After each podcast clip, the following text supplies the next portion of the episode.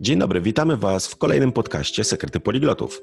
Ja nazywam się Konrad Jerzek Weldobosz, a jest z nami oczywiście, to nie jest chyba niespodzianka dla tych, którzy śledzą i co piątek oglądają czy słuchają kolejnych odcinków naszego podcastu, nasz brazylijski poliglota z bardzo dalekich Gliwic Marlon Couto Ribeiro. I jeśli też oglądacie i słuchacie nas regularnie, wiecie, że Marlon zawsze na początek ma coś przygotowanego dla naszych słuchaczy. Marlon, czy tym razem może coś wyjątkowo, oczywiście przygotowałeś, wiadomo, że przygotowałeś, więc e, opowiadaj kolejny suchar. Okej, okay, dzisiaj wyjątkowo nie przygotowałem. Przygotowali dla mnie, bo to jest tak, dostaliśmy ostatnio bardzo fajną, wzruszającą nawet wiadomość słucha, e, słuchaczki. Ona chyba nas słucha albo ogląda w tym momencie. Jak tego nie robi, to zrobi za jakiś czas. Bardzo dziękujemy za, to, co napisała, bo widzi, mogłem zauważyć, że, że, że rzeczywiście pomagamy, służymy pomocą ludziom, tym co robimy i ona się podzieliła pięknym, e, śmiesznym sucharem, który zaraz opowiem. To jest tak. E, synek patrzy i pyta tatę, tata, co to jest? Tata mówi, a to jest czarna jagoda. Tak patrzy. Ale czym jest czerwona? Tata mówi, bo jest zielona. No tak, także dziękujemy Ci, e, Marlon, no ale dziękujemy oczywiście naszym słuchaczom i za, zachęcamy. Macie miejsce w komentarzach, bądź też możecie wysyłać nam wiadomości e, mailem bez, e, bez problemu, ale myślę, że w komentarzach dzielcie się sucharami. My oczywiście te najciekawsze będziemy wykorzystywali, ale zależy też nam na tym, żebyście pisali, o czym chcielibyście, żebyśmy rozmawiali w kolejnych odcinkach podcastów. Oczywiście nagrywamy je zazwyczaj z wyprzedzeniem, więc e, to nie będzie tak, że powiecie o czymś i my nagramy tam dzień, e, dzień później się ten odcinek ukaże, ale zawsze bierzemy pod uwagę Wasze sugestie i czekamy na, na Wasze pomysły dotyczące kolejnych odcinków. Ale piszcie też o Waszych problemach, trudnościach, także jesteśmy oczywiście tutaj bardzo, bardzo na to otwarci. Będziemy do tego starali siebie dopasować. Tak, to jest, to jest bardzo ważne, bo Wasze opinie e, bardzo się liczy, bo dla Was robimy te podcasty, chcemy poruszyć tematy, które są istotne, które są Wam potrzebne, a nie tylko, które są dla nas ciekawe, prawda? Więc na, e, potrzebujemy Waszego wsparcia, ok? Nam się kończy nawet, na, na, kończy się nasza lista takich ne, e, zaplanowanych tematów, więc to bardzo fajnie, abyście napisali, bo musimy wiedzieć dokładnie, jakie są Wasze potrzeby, oczekiwania i niekoniecznie to musi być jakby o nauce języka, to może, to może coś tam o kulturze, o kraju, coś, co w jakiś sposób się wiąże z, z tymi językami, prawda?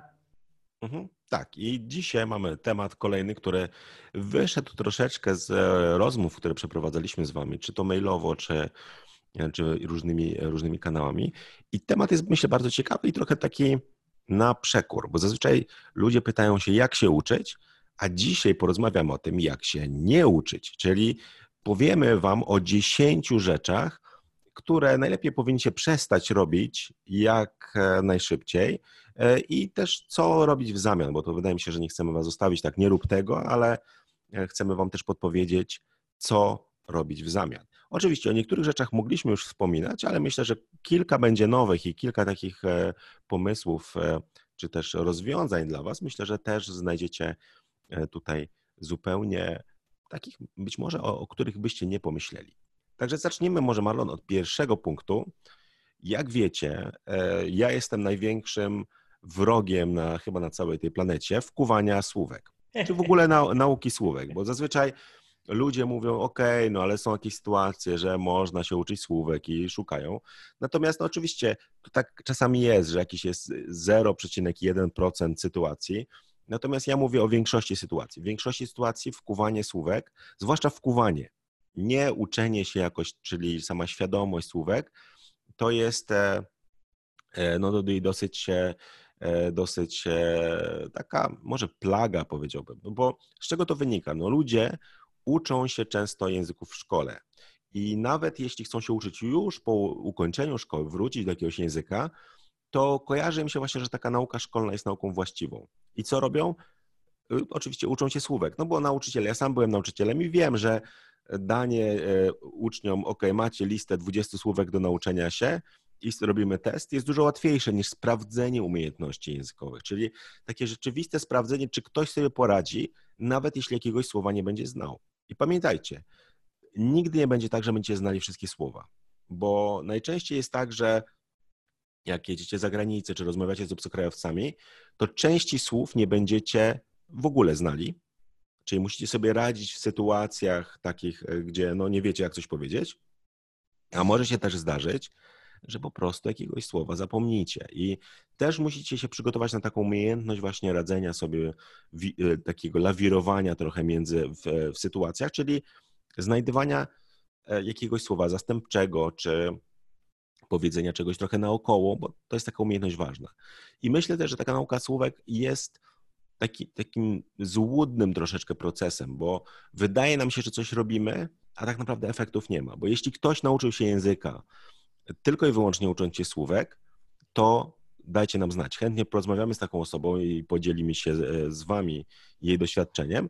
Natomiast ja sam pamiętam taką, taką zabawną anegdotę. Był taki e, Islandczyk, który zapisał się na zawody Scrabble w, we Francji. No, takie wyzwanie dosyć duże. I e, co on zrobił? Wziął sobie słownik i jakieś wszystkie formy gramatyczne i nauczył się wszystkich możliwych słów języka francuskiego na pamięć. Łącznie z formami. A jak ktoś się uczy francuskiego, to wie, że tych form trochę jest. W przypadku rzeczowników są może dwie, bo jest liczba pojedyncza mnoga, ale w przypadku czasowników tych form jest mnóstwo. I e, on oczywiście wszystkie te formy e, opanował, no i bez problemów Cuglak wygrał cały turniej Scrabble, prawda? Czyli wszyscy byli w szoku. No i wręczyli mu nagrodę i poprosili, żeby podziękował. I on nie był w stanie powiedzieć nawet prostego zdania podziękowania w języku francuskim. On po prostu nauczył się wszystkich słów, a nie potrafił nic powiedzieć. I myślę, że ten jego przykład to jest taka, może anegdotka, ale pokazuje, że właśnie droga do nauki języka nie jest przez naukę słówek. Także moja taka rada jest to, żebyście nie wkuwali słówek, czy nie uczyli się ich na pamięć. W ogóle zapomnijcie o słówkach. Uczcie się za to zdań, czyli tłumaczcie sobie zdania z jednego języka na drugi, pracujcie ze zdaniami, czy to w dialogach, czy staracie się coś powiedzieć, ułożyć zdania w głowie, ale nie uczcie się słówek. Jeśli oczywiście jakiegoś słówka nie znacie, a chcecie powiedzieć jakieś zdanie, to sprawdźcie je, ale specjalnie nie róbcie sobie jakiś list słówek, nie zapamiętujcie nic i tak dalej, bo to jest strata czasu. Dużo więcej nauczycie się, kiedy będziecie tych słówek używać w zdaniach, bądź też czytać, czy e, starać się odtworzyć, tłumaczyć na milion sposobów, ale w zdaniach. Czyli pojedyncze zdanie to jest taki minimalny, e, powiedzmy, e, element, z którym musicie pracować. Nie pojedyncze słówka, ale właśnie zdania. No ale ty, Marlon, pewnie uczysz się trochę słówek, przyznaj się. Bo nie jesteś takim wrogiem jak ja, ale chyba trochę, trochę efekty. Nie, jestem, słówek. nie, jestem tak samym wrogiem, tak jak ty. Nie, tego nie robię, bo to jest tak. Jeżeli chodzi o początek, początki nauki, w ogóle to, to nie jest zalecalne. Potem jak już umiesz coś, nawet e, słuchać powiedzmy, jeden napisał o tym, ty też odpisałeś, że nauka słówek ma sens na jakimś wyższym poziomie i w tym momencie ja to robię, czyli ja, e, ja robię to uczenie się, nie wkuwania, ale uczenie się słówek na wyższym poziomie e, znajomości języka. Na przykład nawet bez, bez swoim języku portugalskim. Od dzisiaj nawet się nauczyłem słowa, jak, jak obejrzałem nowości polityczne u nas w tym momencie w moim języku portugalskim uczę się słówek, bo już umiem, mówię w tym języku. Po, po prostu tak, się, tak samo się dzieje wczoraj też. Wczoraj, tak. Z kimś rozmawiałem i jakieś nowe słówko się pojawiło i tego się nauczyłem. Bo wiesz, jak ktoś już umie, zna ten język, mówi, może się poruszać po, po, po różnych tematach, to ma jakiś sens, tak? Nauka słówek ma jakiś sens, bo ty wiesz dokładnie, gdzie masz z tego korzystać. Szczególnie jeżeli ta nauka słówek jest w kontekście Czyli tego słówka, którego gdzieś się nauczyłem e, po portugalsku, we swoim języku ojczystym, nauczyłem się tego w kontekście, bo w trakcie rozmowy to słówko się pojawiło, sprawdziłem słowniku i się nauczyłem tego. Tak samo wczoraj, jak rozmawiałem z kimś po polsku, też nowe słówko się pojawiło, się nauczyłem tego. Więc e, uczę się słówek e, w tym momencie w pewnych językach, które dobrze znam, w kontekście. Więc to, to nie jest niby nauka słówek w takim pierwotnym sensie, tak jak tu u Was, prawda, że ktoś ma listę słówek. Nie? W tym sensie właśnie tego nie robię. Jeżeli mam tłumaczyć, tak, bo jestem też tłumaczem i to jest dla mnie nowa dziedzina, bo dzieje się, tłumaczenie nie musi wszystko, wszystkiego znać i czasami muszę tłumaczyć, gdzie, tam, gdzie produkują kawy albo jakiś temat e, super e, techniczny, powiedzmy jakieś e, coś o urządzeniu albo nawet e, słownictwo medyczne, no to wtedy co ja robię? Nie, nie, nie wezmę tylko listy słówek, obejrzam, oglądam sobie jakiś filmik, w którym mówią o tym, prawda? Czytam jakieś artykuły, próbuję wyłapywać nowe słówka, sprawdzę strony internetowe tej firmy i tak dalej. Więc nauka słówek w kontekście ma sens po tym, jak już umieć ten język, ale jeżeli chodzi o naukę słówek, to chciałem zrobić takie porównanie. Ty możesz e, potem Twoją opinię wyrazić o tym. Ale wyobraź sobie, że masz e, listę składników. Chcesz, chcesz upiec ciasto. Ja nawet upiekłem żonie niedawno, bo ona miała rodzinę. Ciężko mi było, coś wyszło, dob, dob, dobre jest, pyszne, ale nie wyszło dokładnie tak jak na filmiku. Ale nie miałem tylko listy składników. Nie? Miałem też filmik. Dzisiaj już można dzięki technologii nawet zobaczyć e, na YouTubie, jak ktoś tak robi, prawda? W Twoich czasach, e, e, Konrad, bo to mówi, że pochodzisz z czasów dinozaurów. Jak nie było internetu, to chyba było ciężko, nie? Jeżeli miałeś tylko listę, listę składników i przepis, i tak trzeba było trochę wyobrazić, jak, jak to się robiło, nie? Znaczy w moich czasach to było tak, że e, jak byłem mały, to najczęściej moja mama, jakiś cioci i tak dalej, miały zawsze, każda miała jakiś zeszyt z przepisami mm -hmm. i mm -hmm. zdobywały te przepisy od siebie, czyli Aha. brakowało takich e, źródeł właśnie zewnętrznych, żeby coś eksperymentować. Najczęściej było, że o, tam jakaś ciocia zrobiła ciasto, Aha. więc moja mama wzięła przepis, później sama eksperymentowała. Oczywiście no. trochę zawsze były jakieś indywidualne, natomiast tak. różnica była też taka, że e, te osoby, one dużo gotowały, bo też dużo więcej, bo to, to praktycznie codziennie, Aha. więc Aha. też miały dużo lepsze umiejętności niż my, którzy czasami gotujemy, prawda, od, e, rzadziej i mamy tyle gotowych posiłków, że już e, z lenistwa tego nie robimy ale były też na przykład książki kucharskie, tyle że bez zdjęć, więc był, e, było napisane, co, co robić, ale nie do końca nawet można było sobie wyobrazić, czy to, co widzimy, odpowiada rzeczywistości. Tak. Więc e, i tutaj przy okazji, Marlon, widzę, że tutaj e, w tle jakiegoś dinozaura właśnie postawiłeś specjalnie tutaj. Na twoją cześć! Fajnie, właśnie, że, że zauważyłeś. No, bo miałem na myśli porównanie. Ale no, wracając do tego, wymieniłeś bardzo ważny punkt, że ciocie, babcie, matka, twoja mama miały doświadczenie. Nawet jak nie było tych, tych zdjęć, ja sobie gotuję w domu i ja wiem, że po tym jak masz doświadczenie, możesz sobie polerować pewnych szczegółów, bo na podstawie twojego doświadczenia wiesz, jak to się robi. Więc to ta, takich, takich szczegółowych wytłumaczeń czasami nie jest potrzebny, jeżeli chodzi o podstawowe rzeczy, dla tego, który ma doświadczenie, bo jak ktoś nie ma doświadczenia, wszystko jest trudno, no, nawet takie te podstawowe rzeczy. Mm. Ale wracając do, do tego równania, wyobraź sobie, że masz tylko listy składników i chcesz powiedzmy upiec sernik. No co zrobisz z tym? Masz tylko listę, nie, nie masz przepisu, nie? To jest porównywalne do listy słówek. Masz tylko listę słówek, a chcesz ułożyć zdanie. Jak to zrobisz? No pomyśl sobie po polsku coś tłumaczyć. Nie?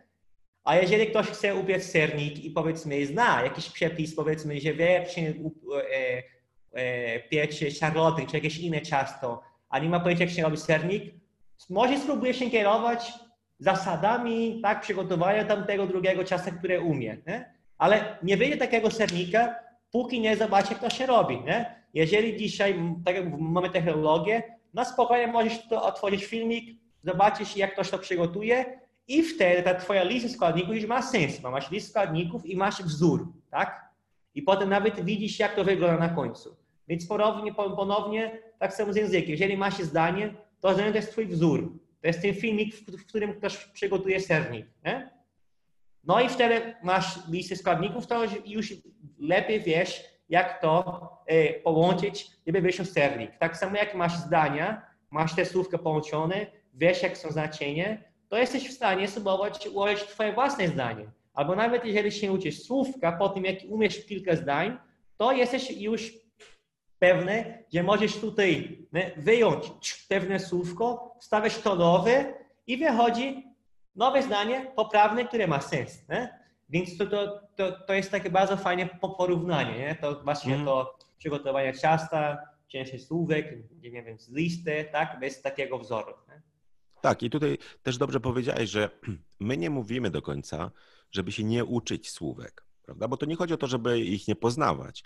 Chodzi tak. o to, żeby ich nie wkuwać, prawda? Czyli to jest różnica, myślę, że duża, bo nauka słówek następuje, prawda? Bo chcąc, nie chcąc, tych słówek się uczymy. Jeśli pracujecie ze zdaniami, to będziecie zapamiętywali jakieś słówka i to jest jak najbardziej dobre, prawda? Natomiast, e, no bo to tak jakbyśmy chcieli ciasto zrobić bez składników, no też się nie da zrobić ciasta bez składników, nawet jak wiesz, a nie kupiłeś składników, no to żadne ciasto ci o, nie dokładnie.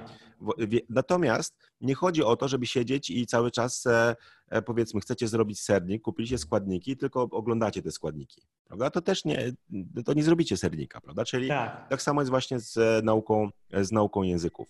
No i drugi, drugi punkt, który myślę się wydaje się ważny. I tutaj, Maro, może ty opowiesz troszeczkę I o tym. I łączy się, nie? Ten, ten kolejny punkt się łączy całkowicie tak, z tym tak. pierwszym. Co robicie źle? Czyli za bardzo tak jakby skupiacie się na tym, jak jest coś zapisane, a nie na wymowie danego słowa. Także to jest jeden, wydaje mi się, z takich błędów, że za dużo nacisku kładziemy właśnie, właśnie na to. Więc może Marlon tutaj o tym, o tym e, e, opowiesz. Tak, jak najbardziej. Ja uczę nie tylko japońskiego, ale portugalskiego też i chcę coś mówić o portugalskim, bo język portugalski bardzo często, trochę jak po francusku też, to Kokora też potem może coś wymienić o tym, o tym francuskim, bo on lepiej zna, lepiej umie. Słowa się łączą i pewne dźwięki, które się pojawiają w tych słówkach pojedyncze, zmieniają się pod wpływem słówek, które są w pobliżu. Nie? Dam tu przykład w wersji brazylijskiej, okay? bo pochodzę z Brazylii. Jest słowo mais. Słyszysz? Mais. S na końcu jest. To się pisze mas. M-A-S. Już tutaj widzisz, że coś nie zgadza. Piszesz M-A-S, ale mówię mais. Taki i się pojawia. Tak, ten i jest w mowie, nie ma go w piśmie. Jak daję obok tego mais, czyli ale, okay? jakiś inny wyraz, który ma na, na początku samogłoskę, nagle ten S brzmi jako Z całkowicie. Nie? Na przykład, jeżeli mówię, jestem z Brazylii, ale ona jest z Polski, okay? są do Brazylu, jestem z Brazylii i uwaga, ale ona pochodzi z Polski, to ona to ela, tak jak wasze imię ela. Kiedy połączę mais i ela, to nie wychodzi mais ela ani mais ela, lecz mais ela. I wychodzi całe, że sou do Brasil, pochodzę z Brazylii, mas ela é polonesa. Albo nawet szybciej, mas ela é polonesa. Słyszymy? Mas ela é polonesa. Nawet ela jako ona i e jako jest, albo pochodzi, może się połączyć i wychodzi, jeżeli podziela na sylabę, tak jak mówię, wychodzi. Mas ela polonesa mas ela é polonesa. Czyli nawet nie mówię ela é, ela é. Ten e też pojekamy, taki ten, ten a, ten a, ten a zjadamy i ten e jakby zawsze mówi, że wygrywa, że wygrywa, że on po prostu się pozbywa tego a i wychodzi, mas ela é polonesa. I tego nie widzisz, jak, jak tylko patrzysz na słówkach, jak się uczy tylko słówki. To jest jeden przykład, ale jest masa tego w języku portugalskim w języku hiszpańskim też, hiszpański też, też to ma, nie każdy świadomy tego jest, ale hiszpański też ma takie połączenia, e, francuski, angielski też ma dużo tego. Zawsze ludzie mówią, że o, nie rozumiem, co tam mówią Amerykanie czy Anglicy, wszystko brzmi jako, jako jeden cały ciąg. Tak, są do tych połączeń, które są potrzebne, żeby ludzie też was, was zrozumiały. Jedna uczennica naszych kursów e, powiedziała Konradowi, że coś mówiła po norwesku, chyba do, do tłumaczy Google, nie? I chyba bardzo wyraźnie słowo po słowo wymawiała i ten Google tłumacz nie rozumiał, nie był w stanie napisać to, co ona chciała. Jak ona połączyła i mówiła trochę jakby niewyraźnie, taki jedno, jak, jak jedno słowo zaczęło odzywać na drugie, to ten tłumacz go zrozumiał i napisał dokładnie to, co ona chciała mówić po norwesku. Norwesk też ma takie połączenie, jedno słowo przychodzi na drugie. Jak ona tak zrobiła, nie? tak mówiła, to Google tłumacz od razu zrozumiał i napisał dokładnie to, co ona miała na myśli, nie? Bo to jest naprawdę e, ta cecha, to jest cecha pewnych języków. W Polsce za bardzo tego nie ma. Też macie w pewnych sytuacjach, ale do końca to nie jest potrzebne was, aby jedno słowo było połączone z drugim, albo aby to całe zdanie brzmiało jako jeden ciąg. Ale niektóre języki mają to, nie powiedzie niestety, to jest cecha pewnych języków i do tego trzeba po pierwsze się przyzwyczaić, i po drugie trzeba po prostu się jakby przełamać, nie? Taki ten czynnik psychiczny, że ale nie, to tak głupio brzmi, czemu tutaj ja piszę to, tego nie wymawiam, czemu ten dźwięk musi też tu się zmienić pod, pod wpływem tego drugiego. Trzeba jakoś spróbować e, e, e, przyzwyczaić się do tego, bo to może wam e, spowodować masę kłopotów, nie? W rozumieniu, tak jak macie rozumieć coś i też jak ludzie mają was rozumieć, nie? Bo, wyobraź sobie, że ktoś po raz, po raz pierwszy słyszy coś w swoim języku e, ojczystym, że ktoś po raz pierwszy słyszy, jak ty mówisz pewne zdanie w taki sposób, nie? Jak po raz pierwszy mamy do czynienia z czymkolwiek, to czujemy się nieswojo i nie od razu rozumiemy o co chodzi, nie? I już miałem e, taki problem z chińskim. Chińskiego się uczę, nie tak dobrze znam, ale uczę się dalej, bardzo lubię i e, mają te tony i ja niechcący już kilka razy po, po, pokręcałem taki źle stosowane te tony, bo czasami mi się miesza w głowie, podobne są słowa, czasami chcę szybko mówić, kolejny już mówią, jestem tej żywioły ogień, czasami bardzo mi się spieszy się coś mówić, przekazywać i czasami taki nie chcą e, zlekceważyć kilka razy wymowy tych tonów, nie? I ludzie potem nie rozumieją. I, i tak czasem, czasem mam wrażenie, że a może to nie było tak potrzebne, nie? Tak mówiłem całe zdanie, osoba miała kontekst, ale jak po raz pierwszy w życiu słyszała, jak ktoś wymawia to słowo, to drugie słowo, w taki sposób, to może nie rozumieć, nie? bo nie ma tego doświadczenia, tak? Żeby usłyszeć i rozszyfrować, co masz na myśli. Mhm. Tutaj jeszcze bym dodał właśnie, że mówimy o tym zapisie, bo to wpływa na dwie rzeczy. Po pierwsze, tak. na wasze rozumienie, a po drugie na to, jak mówicie, czyli czy wy jesteście zrozumiani. I najczęściej to działa w ten sposób, że my jako dzieci uczymy się pisać i czytać i przyporządkowujemy sobie pewne dźwięki do liter. Czyli jak widzicie literkę A, to od razu wam przychodzi do głowy dźwięk A. Mimo, że ludzie to A wymawiają na różne sposoby. Podobnie na E, prawda? Czyli dla Polaka O. Jak powiem na przykład mleko i sieć, to dla was, o, to są to dwa razy to sam, ten sam dźwięk E powiedziałem. A Marlon usłyszał dwa różne dźwięki, bo w języku portugalskim tak. to są dwa różne dźwięki, prawda? I my sobie z tego nie zdajemy sprawy, bo przyporządkowaliśmy sobie ten dźwięk. Podobnie Japończyk nie usłyszy różnicy między L i R, bo dla niego to jest jeden dźwięk. No bo tak e, sobie przyporządkował. I myślę, że takim momentem rzeczywiście, kiedy ludzie zaczynają gorzej mówić troszeczkę, to jest ten moment, kiedy zaczynają pisać i czytać, bo wtedy za bardzo przyporządkowują sobie te dźwięki do liter. I my tak. mamy takie poczucie, i to jest takie, to o czym mówiliśmy w jednym z poprzednich odcinków o tych wzrokowcach, że wy chcecie mieć napisane coś i tak dalej. Natomiast na początku nauki starajcie się jak najwięcej słuchać. I to jest właśnie nasza rada, żeby jak najwięcej słuchać, ale starać się słuchać tak jakby świadomie, czy wsłuchiwać się, czy możecie, jeśli chcecie mieć tekst napisany, ok, zobaczcie ten tekst i słuchajcie, jak poszczególne słowa są wymawiane, prawda? Jak e, są, jak one się łączą, to co Marlon powiedział, prawda? Czy jakieś dźwięki w danej sytuacji znikają, może są wymawiane troszeczkę inaczej, prawda? I czasem są takie e, śmieszne sytuacje, na przykład pamiętam jako dziecko, uczyliśmy się e, niby angielskiego, ale to ten angielski dopiero się pojawiał w podstawówce i jedyny kontakt to był przez jakieś filmy. No i oczywiście było w niektórych tam kreskówkach czy filmach e, używali słowa zamknij się, prawda? E, no i my mówiliśmy, że to, to jest siarap przez ry, prawda? Ale z czego to wynikało? Czyli siarap, siarap, prawda? I wszyscy o co chodzi, w ogóle nie, nikt nie rozumie. A nam się wydawało, że oni tak mówią prawda? Bądź też macie jakieś mnóstwo piosenek, prawda? Jak ludzie śpiewają i zapisują to, co słyszą ze słuchu, to też przyporządkowują sobie te dźwięki, które słyszą, do dźwięków z języka polskiego. Ale gdy e, zobaczymy, jak jest napisane, to nie, nie mówimy siarap, tylko mówimy shut up, prawda? Shut up, czyli e, po, po polsku tak e, i to też nie jest poprawne, prawda? Bo to też nie jest tak, jak Anglicy mówią, prawda? Bo tam nie ma takiego naszego szy, nie ma a, nie ma ty, e, później znów nie ma a i, i tak dalej. Czy te dźwięki brzmią inaczej? Czy starajcie się wsłuchać? Usłyszycie, że na przykład Amerykanie, e, jak ty mówią, posłuchajcie na przykład, jak mówią e, słowo woda. Nie mówią water przez ty i ry, mówią water czyli takie, jest taki dźwięk między ty i dy. On taki ciekawie brzmi, prawda? Natomiast nie usłyszycie go, dopóki nie usiądziecie i zaczniecie się zastanawiać, o, co tu jest, czy jest jakoś inaczej, czy e, i, i tak dalej. Więc to jest jedna rzecz, ale najważniejsza to jest, żeby słuchać, prawda? Bo jak będziecie dużo słuchać, to te dźwięki, one będą wam wchodziły do głowy tak czy inaczej. Że wasz mózg, jak będzie dużo się osłuchiwał z językiem, będzie naprawdę robił duże postępy. A problem jest taki, że w uczeniu języka bardzo mały nacisk jest na słuchanie. Z czego to wynika?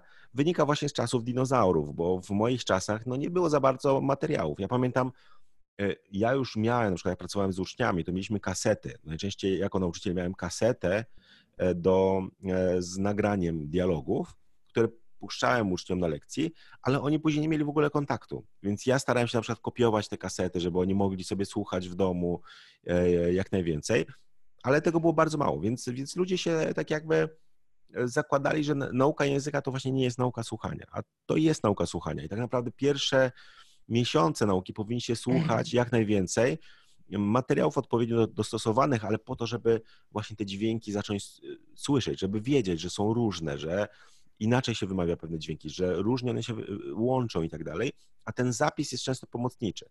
On może wam pomagać w niektórych językach, na przykład po hiszpańsku, prawda, e, czy po portugalsku. To, jak się zapisuje, no, będzie wam pomagało w tym, jak się wymawia, prawda? Tak jak Marlon po polsku też, jak widzisz, że SZ jest zapisane, to wiesz, że to jest szy, a nie si, prawda? Czyli e, są, są te rzeczy. Po angielsku natomiast, no już gorzej, prawda? Po francusku trochę, ale po angielsku to jest taka loteria i bardzo często dzieci na przykład w, szkole, w szkołach angielskich czy e, amerykańskich, one nie uczą się tak jak my, czyli e, literka A, później ty i możemy sobie słowo tata zbudować.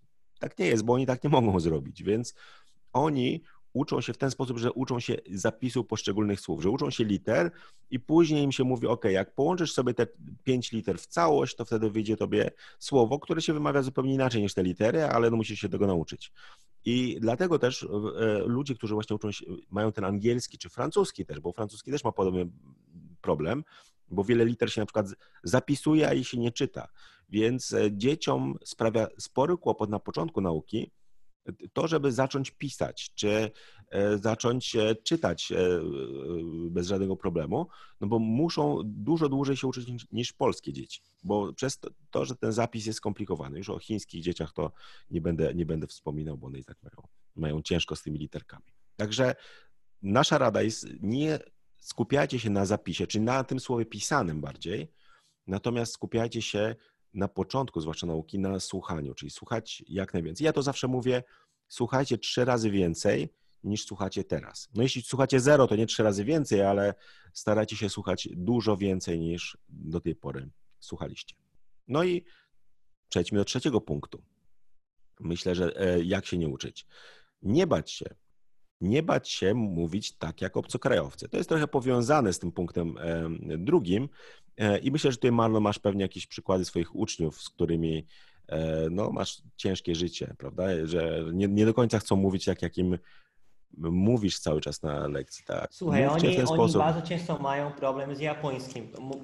Mimo tego, że ta młodzież, która się uczy japońskiego, bardzo lubi, bardzo chce, mimo, pomimo tego, że ciągle oglądają kreskówki po japońsku, czyli są niby osłuchani z tym japońskim i tak mają ten, ten problem taki e, psychiczny, taki w tym sensie, że bo, może niekoniecznie boją się, ale może się wstydzą w klasie i myślę, że sami też wymawiać e, e, tych zdań, bo nie chodzi tylko o słówka, ale jeżeli chodzi o melodię zdania, to boją się albo się wstydzą, albo dla nich jest tak śmieszny, że nie potrafią wymawiać tych te zdań tak, jak ma, ma być. Dam tu przykład pytania. Jak się pyta po japońsku, to jest pewna intonacja na pytanie. Nie jest dziwna intonacja, ale dla nich to tak często to tak śmiesznie brzmi, że jest im ciężko tak, tak mówić. Ja widzę to na zajęciach, jak puszczę płytę z podręcznika i tam są dialogi, zatrzymuję, oni mają tak samo mówić nie? i widzę, że większość z nich nawet nie stara powtórzyć. Nie? Bo dokładnie wymawia to z intonacją języka polskiego i mówi o tym, że o uwaga, teraz zwracam uwagę na intonację. Okay? Proszę jak, jak najwierniej e, imitować, e, naśladować właśnie całej melodii tego zdania. I dam tu przykład nie? E, konkretny. Powiedzmy, a ktoś pyta, czemu ciebie nie było wczoraj na imprezie, na, na mojej imprezie, tak? I wychodzi tak na przykład, że e, えー、昨日なぜパーティーに来なかったの、え昨日、いったこ言ってこいですね。昨日、なぜパーティーに来なかったの I tym, 来なかったの I oni się śmieją. w tym momencie, bo dla nich to jest tak śmiesznie, tak, tak końcówkę, nie? bo ty powiedział, okej, okay, kino nazywa mi konakata, no, i ten, nie, trochę tam nosowy i ten głos taki, oni się śmieją z tego, ale jest ta sama melodia i ten sposób mówienia, nie? A druga osoba powiedzmy odpowiada, nie? Ano, nie, taki bunga orokata kana. I tak, nie? I mówi trochę taki z nosa i, i z takim głosem, ale e, jak się uczy języka, e, jak każdy, każdy się uczy języka, to nie masz tylko wymowy, pojedyncze słów, wymowy zdań, ale melodia i sposób używania głosu też. Nawet to, to się pojawia, to, jest też ważne, tak? Bo nie umiem za bardzo jakby to po prostu wysłowić, ale robisz różne rzeczy z twoim głosem, tak? Ta, w różnych językach e, tak mają zupełnie inny sposób mówienia, tak? I czasami na przykład po japońsku, może tam w tych językach tam z Azji, oni próbują przekazywać, jak się czują, swoje nastroje, czy są zaskoczeni, zdziwieni, czy oni się wstydzą, czy jest im przykro, przez e, sposób używania głosu, nie? Zamiast mówić na przykład konakata, konakata, konakata, trochę głębiej się mówi, albo możesz mówić go głośniej, ciszej i to ma jakieś, to ma jakieś znaczenie. I właśnie dlatego to powoduje takie zdziwienie u ucznia, bo może Polski za bardzo tego nie ma i tak macie tak, takie coś, tak widzę też jak ludzie rozmawiają, może sobie, e, e, e, możecie sobie trochę nagrywać, jak wiem, po, po prostu mówicie, że robicie coś, coś, coś takiego z głosem, tak? Czasami nie tylko wy, że mówisz, jeżeli jesteś zły, czy wkurzony, czy coś takiego, ale jeżeli na przykład jesteś zaskoczony albo chcesz kogoś, kogoś zachęcić, kogoś dokuczyć, trochę inaczej ustawiasz twój głos. Nie? I właśnie to bardzo często powoduje e, problem uczniów. Nie? E, dam tutaj e, inny przykład teraz ze szwedzkiego. Szwedzki ma taki, taki dźwięk, który nawet do dzisiaj mi powoduje problem. Taki, taki il, taki il, taki i trochę taki ściśnięty. Taki mówią się to raczej w, Sztok w Sztokholmie tak wymawiają. Ale też ludzie tak, tak się wstydzą, czasami mówisz tak jak oni, że tak, zamiast mówię jodli, jodli, takie śmiesz brzmi, ale to tak oni mówią, więc jak ktoś chce brzmieć trochę jako cudzoziemiec, jako cudzoziemiec jakby z perspektywy Polaka, to musi tak mówić, nie? Więc są takie e, e, sposoby mówienia, które mogą powodować takie, takie uczucie, takie dziwne albo uśmiech. Portugalski to jest kolejny przykład. Nasza intonacja w zdaniach jest bardzo e, ważna do przekazywania, czy lub mówisz w taki przyjaźny sposób. Po polsku macie, macie na to słowo zaciąganie. Nie wiem, jak jestem w rejonie, e, gdzie ty już byłeś, Konrada, ale tam gdzieś tam na północy, skąd pochodzę, zaciąganie istnieje jako potrzebne pojęcie, żeby uczynić twoje zdanie e, przy, jakby przyjemniejszym albo przyjaźniejszym. Zwykłe słowo dzień dobry jest używane u nas formalnie, nieformalnie. Ale jeżeli witasz formalnie, oficjalnie w urzędzie, to ktoś mówi na przykład dzień dobry rano, bon dia. Nie? Bon dia, senhor. Samo bon dia. Ale ten sam bon dia, dzień dobry rano do, psia, do przyjaciela może tak brzmieć. Bon dia. Trochę przedłużasz. Bon dia. Nie? Bon dia. Bon dia. I ten drugi. Bon dia. Nie? To ludzie się śmieją, jak to słyszy, bo tak może to śmiesz brzmi. I to jest okay, że się, się śmieją, ale to jest niefajnie, bo tak bardzo często Dlatego się śmieją, bo tak boją się tak mówić, tak? Bo myśli się, ale to głupio, czemu tak mówić? No, czasami nawet nie ma wytłumaczenia czemu. Tak się mówi, jak ktoś chce brzmieć tak jak osoba z tego kraju do pewnego stopnia, tak? Nie chodzi o to, że, że musisz teraz udawać, że jesteś Brazylijczykiem, że jesteś Japończykiem, że jesteś Szwedem, ale jakby im podobniej brzmi, brzmi osoba tak, do, do tego, co ludzie mówią, tym lepiej. Nie? No, ludzie taki nie będą bardzo się bać z tobą mówić, przekazywać informacje, bo może ma, będą mieli wrażenie, że będziesz w stanie zrozumieć. A jak za bardzo obco e, brzmiesz, na przykład w tej Szwecji, w Szwecji to już będzie tendencja przechodzenia na angielski. Bardzo dobrze znają angielski, więc od razu ktoś przechodzi na angielski, koniec. Nie? Twoje rozmowy po szwedzku, czy to po norwesku, w też tak może tak się dziać. A jak już trochę brzmiesz trochę jako tubylec, jako osoba z tamtego kraju, mimo tego, że nie znasz dobrze tego języka, no to ludzie się czują tak pewniejsi, żeby z tobą rozmawiać, coś zapytać, coś przekazywać, bo może takie będą mieli wrażenie, że rzeczywiście znasz. Nawet jak dużo nie znasz, ale melodię twoje, twojego zdania, sposób mówienia, sposób używania głosu jest jak najbardziej naturalny. Mhm. I tutaj, e, Maron, też dodałbym taką historię, anegdotkę, o której Luca Lampariello mi opowiadał, bo on e, uczył się języka angielskiego jako dziecko i miał amerykańską nauczycielkę, która taką prywatną nauczycielkę, która przychodziła i uczyła go języka angielskiego, więc miał taki kontakt z językiem takim rzeczywiście amerykańskim, prawda? On mhm. też jest akurat w moim wieku, więc też z czasów dinozaurów. E, więc oczywiście jego koledzy, jego koledzy mieli mniej kontaktu z prawdziwym angielskim. Oczywiście to, co tam słyszeli w, kino, w kinie, w filmach i tak dalej. Natomiast on zaczął mówić rzeczywiście z dużo lepszym akcentem. I to się okazywało, gdy on na lekcjach angielskiego w szkole mówił po angielsku, to pozostałe dzieci się trochę z niego śmiały, bo on brzmiał inaczej, prawda? I to jest zawsze takie ciekawe podejście, bo gdy jesteśmy w grupie Polaków i mówimy dobrze po angielsku, to będziemy dziwnie się czuli, bo mówimy inaczej niż oni.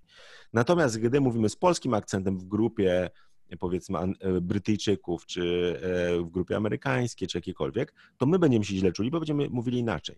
I tutaj to, co jest ciekawe, jest taki mechanizm, taki wewnętrzny, e, o którym taka blokada, powiedziałbym, o której pisze Steven Krashen, amerykański lingwista, który on mówi, że tak jakby też opowiadał historię właśnie, że mówił po francusku i że e, rozmawiał ze swoim znajomym o czymś, co było dla niego ważne, więc wkręcił się niesamowicie, mhm. zaczął opowiadać i mówi, że czuł się rzeczywiście jak prawdziwy Francuz, że mówił płynnie, bez żadnego problemu, doskonale też wymawiając poszczególne słowa, ale zauważył, że zazwyczaj tak nie mówi i zaczął się zastanawiać, z czego to wynika i zauważył, że jest coś takiego, w nas, że my nie chcemy, mimo że potrafimy. Bo zauważcie, każdy z Was jest w stanie powiedzieć dobrze po angielsku czasami, prawda?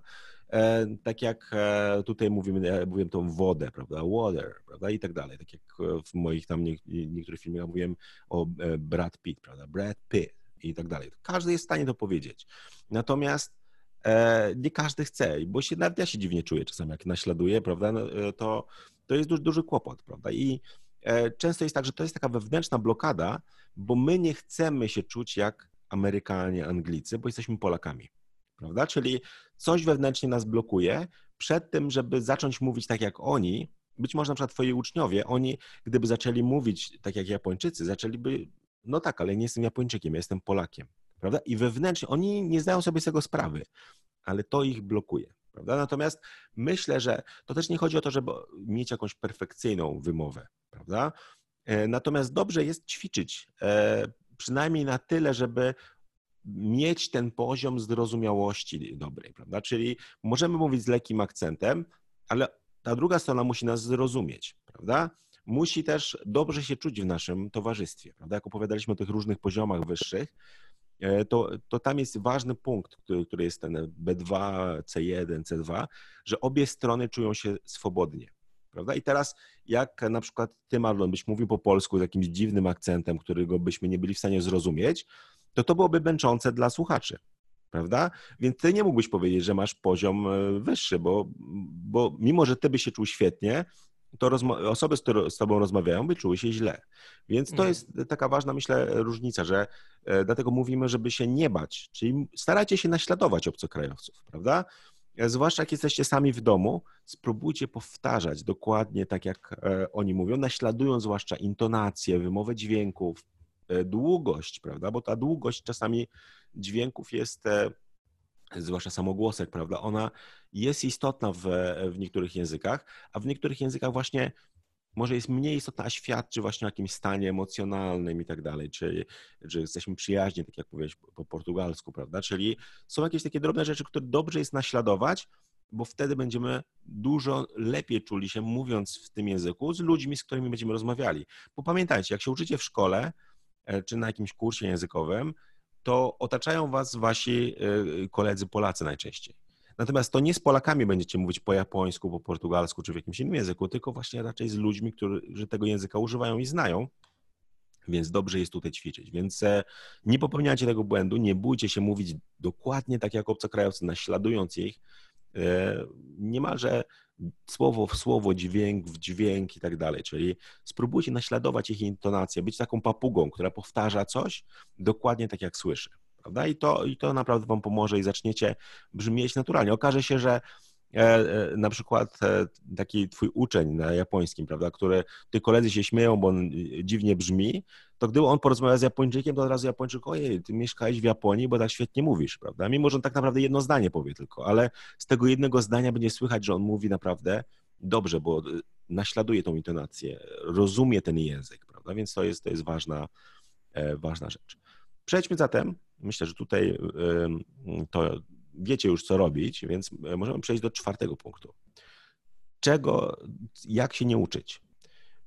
W ten sposób, że nie robimy żadnych powtórek, prawda? To jest jeden z tych błędów, które też popełniamy, czyli nie powtarzamy, czyli ktoś, kto uczy się tylko czegoś nowego, a nie wraca do czegoś, co przerobił, popełnia duży błąd. I myślę, że ten błąd popełniają zwłaszcza osoby, które są na kursach językowych, bo im się wydaje, że jak chodzą na jakąś lekcję kursu językowego, prawda, raz w tygodniu czy dwa razy w tygodniu, to to wystarczy.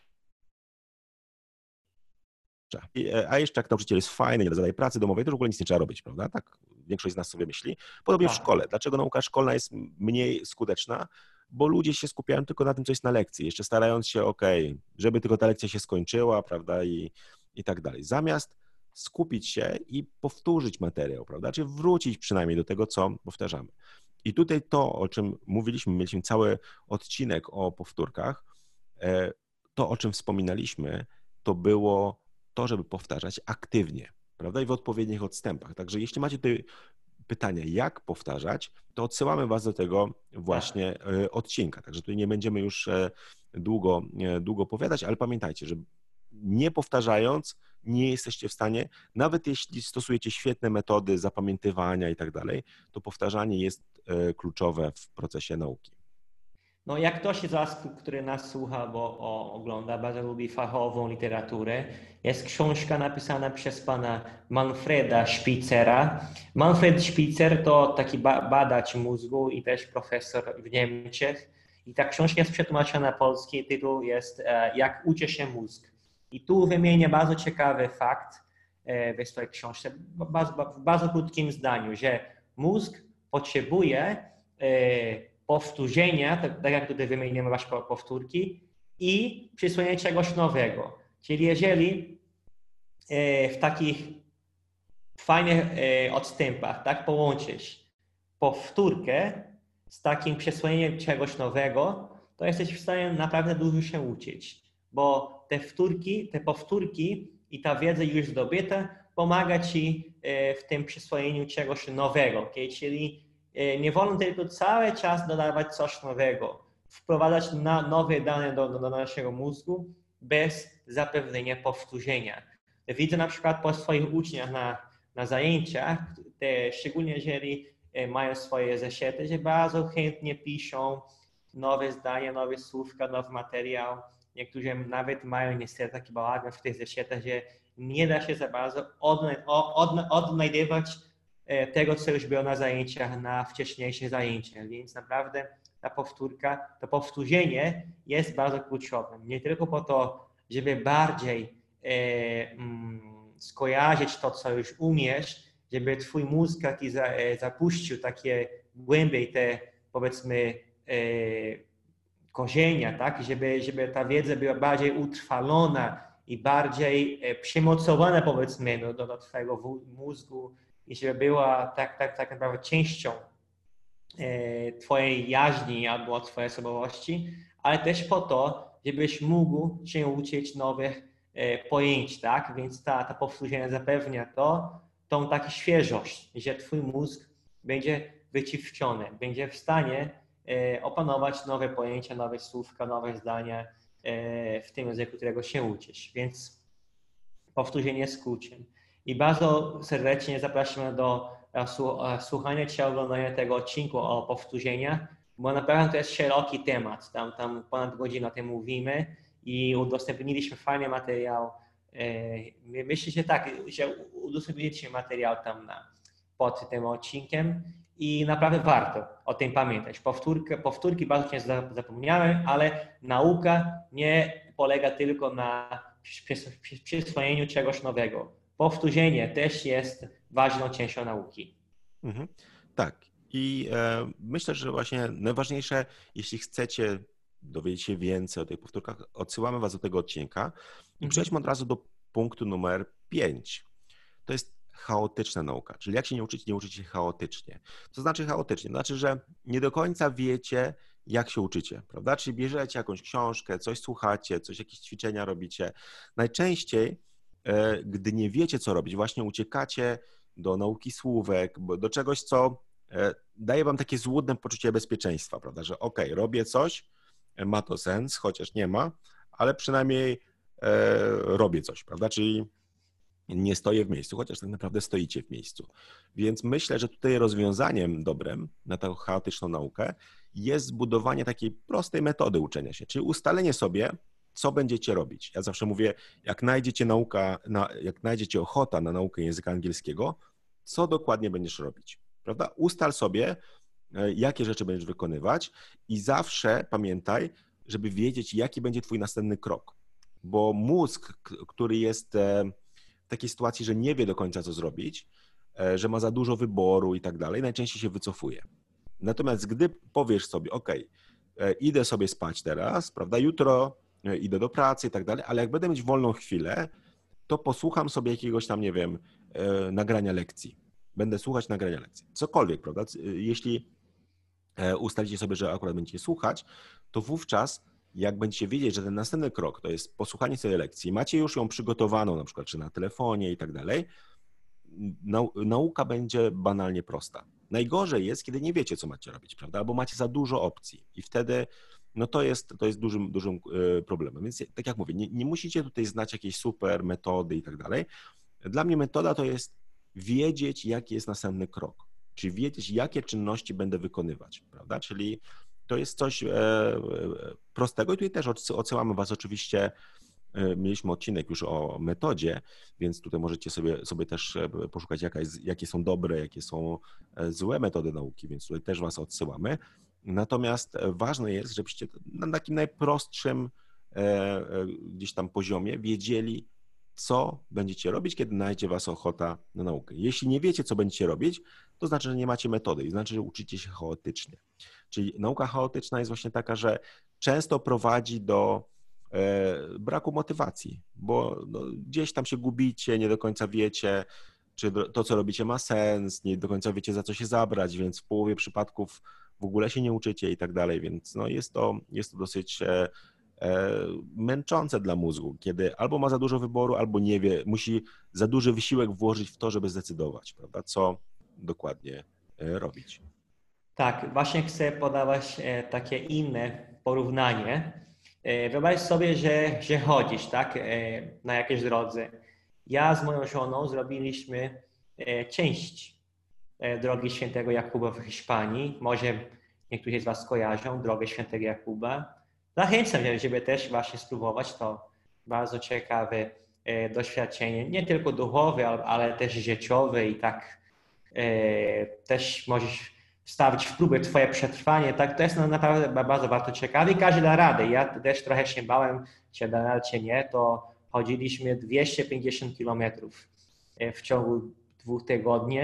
Tam głównie nie chodzi o to, że będziesz chodził dużo codziennie, ale o co mi chodzi tutaj, że jak chodziliśmy danego dnia, rano na, na północy Hiszpanii, słońce nad nami, e, ciężko, nie mieliśmy ciężkiego plecaku, bo właśnie to jest takie fajne polecenie, żeby nie mieć e, ciężkiego plecaku, dużo ludzi popełnia ten błąd i potem nie dasz rady dokończyć właśnie e, twojej właśnie podróży, nie? bo niektórzy robią tylko kawałek tak jak my, niektórzy robią do końca, jest ponad, ponad 1000 km do miasta Santiago de Compostela. Ale o co mi chodzi tutaj, że jak my się zbliżaliśmy do danego miasta albo do wioski, do miasteczka, tak?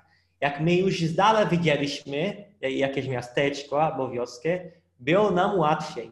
Jeżeli nam było gorąco, ciężko, bo mieliśmy te plecaki, nie ciężkie, ale jak chodziliśmy już 15 kilometrów w ciągu jednego dnia z tym plecakiem, to ten plecaki już było cięższe, na takim czuliśmy, tak?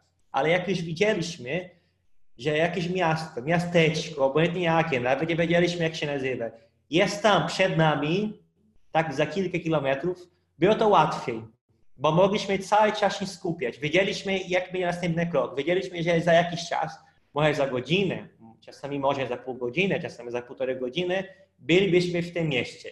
gdzie na przykład jedli, e, jedlibyśmy obiad albo kolację, albo jeżeli to było za wcześnie, powiedzmy o 10 rano, to mieliśmy na myśli robić jakąś przerwę na pół godziny, na godzinę, żeby trochę pogadać, pooglądać, robić zdjęcie, więc było to o wiele łatwiej, że, że nawet jeżeli mieliśmy się chodzić półtorej godziny do tego miasta, nie było czuć, tak? Bo mieliśmy cały czas przed oczyma ten cel, to miasto, to miasteczko, nie? Czyli już takie, mieliśmy taką dodatkową motywację, że wiemy, że zawsze będzie po drodze jakieś miasteczko, jakaś wioska, ale tylko wiedzieliśmy to tutaj w głowie, nie było widać tego przed sobą.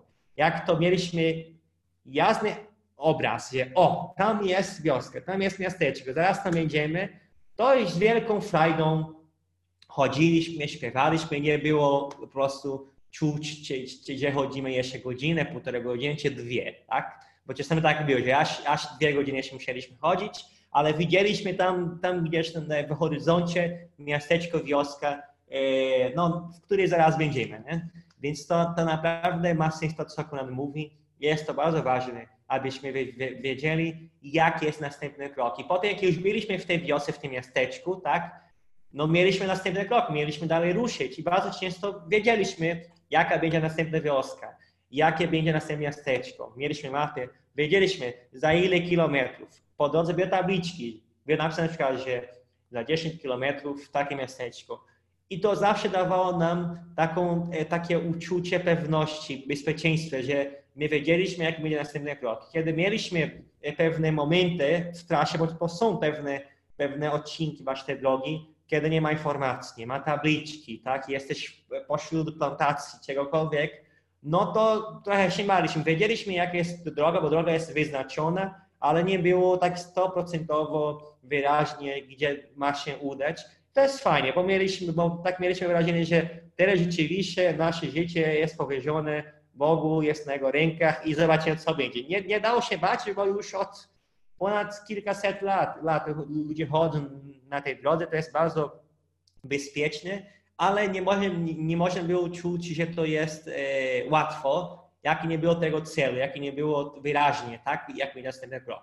A jak mieliśmy właśnie tą pewność, że będzie to miasteczko za ileś tam kilometrów, za godzinę, za półtorej godziny, za dwie godziny, to okay. nawet, nawet nie możemy czuć, że to jest wyzwanie. Nie?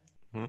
Tak, i zobaczcie też, że dużo łatwiej Wam się słucha pewnie, bo wiecie, że jaki jest następny krok, że będzie punkt numer 6, prawda? Czyli podział, podział na punkty też jest e, tutaj bardzo, bardzo pomocny. No dobrze. O, do, czyli... Tak, tak, porządek, nie? Organizacja, to jest bardzo tak, ważne tak, też. Czyli e, też to jest metoda na podcast, prawda? Czyli podzielić temat na kilka punktów, wtedy łatwiej tak. jest Wam też przez te punkty przechodzić. Dobrze. I potem nam łatwiej też mówić, bo my wiemy wyraźnie, czy mówimy, nie? Właśnie, czyli obie strony korzystają na tym. No dobrze, ale punkt numer 6 co, e, jak się nie uczyć? Nie korzystać ze zbyt trudnych i myślę też trochę nieciekawych materiałów, ale oba te elementy, prawda? Czyli jeśli coś jest nie, nieciekawe i łatwe, to też tego nie korzystajcie, prawda? Albo zbyt trudne, a ciekawe. Myślę, że istotne jest właśnie to, żeby odpowiednio dobrać materiały poziomem, żeby one nie były ani za łatwe, ani za trudne, ale przede wszystkim zbyt trudne. I to jest taki błąd, który popełniają często ludzie, że rzucają się od razu na głęboką wodę, na przykład chcą obejrzeć jakiś film, często chcą oglądać filmy dla dzieci, prawda? I tutaj trzeba uważać, poza świnką Peppą, którą polecamy każdemu, ale też takim osobom, które coś już potrafią, prawda? E, to nie próbujcie oglądać na przykład filmów dla dzieci, bo one są czasami trudne, prawda? Oczywiście dużo rzeczy się dzieje na ekranie, chyba że takie filmy właśnie dla takich małych e, bardzo dzieci, które też muszą z kontekstu dużo się domyślać.